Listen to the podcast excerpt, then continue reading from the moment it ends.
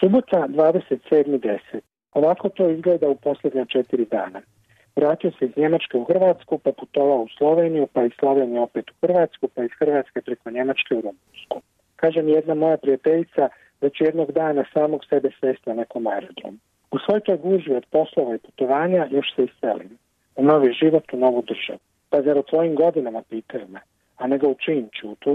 Na putu sređujem dojmove iz Slovenije i odgovaram na mailove nakon simpozija o U povodu 70. obljetnice UNESCO Međunarodnog kazališnog instituta na festivalu Bošnjakova svečani održao se simpozij okrugli stol izazovi umjetničkih sloboda. Pripala mi je čast da na tom skupu održim uvodne izlaganje. Osim o prakticiranju notornog besničarskog hobija nasrtanja na Olivera Frljića, o čijim ideološkim istradama sam govorio poredeći njihove sličnosti i razlike u Austriji, Bosni i Hercegovini, Češkoj, Hrvatskoj, Poljskoj i Srbiji, govorio sam i o drugim slučajima u Hrvatskoj. U samo pet godina od 2013. do 2018. bilo ih je 18. Samo u ovoj tekućoj godini sedam. Bilo bi to previše i za puno veću zemlju, za puno veću scenu. Nedjelja 28.10. I sad sam već na nekom novom poslu u Rumunjskoj. Zanimljiv grad Timišara. Ozbiljno se spremaju opravdati naslov Evropske prijestolnice kulture 2021. Malo odmaram u hotelu. Nasumično mijenjam programe na televiziji. Dva tjedna nakon propasti obiteljaškog nasrtaja na ljudska prava u Rumunjskoj, na ekranu tko zna koji po redu nekakav okrugli stol posvećen propalom referendumu. Izuzev Njemačke evangeličke crkve, koja i pola tisućeća nakon Lutera časno slijedi njegov humanizam, svi su rumunjski vladike i biskupi, imani i bivši komunistički aparatici, duhovni vođe i ražalovani trudbenici sekuritate i rabini i neonacisti i nazove socijaldemokrati udružili se u tome da istiraju nešto od čega oni i onako ne imaju nikakve koristi, ali neki drugi imaju štete.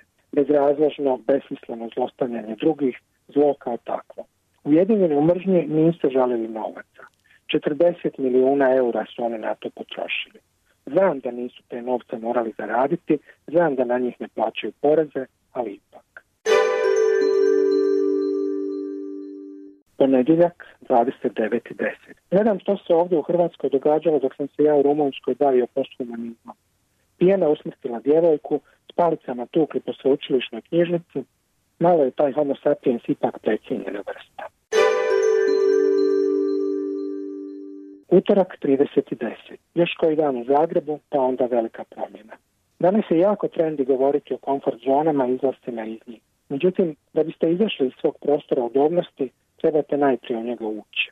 Prostor sigurnosti nije isto što je prostor udobnosti. Udobnost je nešto posve drugo. Moja komfort zona ili prostor udobnosti može biti isključiva sredina u kojoj su svi moji identiteti uvaženi, priznati i ravnopravni, sredina u kojoj se osjećam posve slobodno i prihvaćena, u kojoj mogu živjeti svoj život onako kako ja to želim. To je sredina u kojoj su svi aspekti moje osobe, radni, profesionalni, privatni, intimni, jednako uvaženi i podržani. Mjesto gdje živim s voljenom osobom i imam sve što želim. To je komfort zone. Makar i bez mnogih elemenata koji grade prostore sigurnosti. Ili posebno bez njih. Eto zato idem. Na još jedno životno putovanje. Jednostavno, za sljedećih četvrt stoljeća imam neke druge planove. Srijeda 31.10. U ovih sam 25 godina koliko živim u Hrvatskoj objavio 10 knjiga, mnoštvo tekstova, vodio kazalište, vodio festival, napravio 30 predstava, dobio nekakvih nagrada, naputovao se po cijelom svijetu i napravio tamo razne projekte. I me ni zbog čega navedenog razni ljudi nisu toliko radoznalo zapitkivali koliko zbog toga što su čuli da odlazim. Izgleda da je u Hrvatskoj ipak najveće postignuće kada iz nje odete. A tu se ne stišava užas koji je hrabro razotkrila saborska zastupnica Ivana Ninčević-Lesandrić svjedočenjem o monstruozno ponižavajućem tretmanu žena u hrvatskom zdravstvenom sustavu. Od strašnih svjedočenja žena žrtava više jeze izazivaju samo bahati divljački komentari časnih muževa na visokim dužnostima. U patriarhalnim društvima plemenski mačizam je toliko okorjela pojava da trogloditi u vrhovima elite niti ne pokušavaju sakriti svoju mizoginiju u javnosti. Jedina stvar agresivnija od njih su konzervativne čuvarice patriarhalnih ognjišta. Njihovo je bjesnilo nenadnašno, valjda zato što je toliko neprirodno. Kakva parada sociopatske bešćutnosti. Natječu se tko će arogantnije objasniti puku da zdravstvena usluga po definiciji nužno mora biti bolna, ponižavajuća i mučna. Posebno za žene, ta drugotna i nebitna bića. Kao da nisu porezima građana plaćeni da isporuče kvalitetne usluge, dociraju i postavljaju neka svoja pravila po načelu ako ti se ne sviđa, e pa eto ne sviđa mi se. Baš mi se ne sviđa, kradeš mi novce od poreze razbojniče. Kako se tebi ovo sviđa? Evo, ljutim se, a običao sam sebi da neću. Kako ona ide? Otpusti bijes, duboko diši.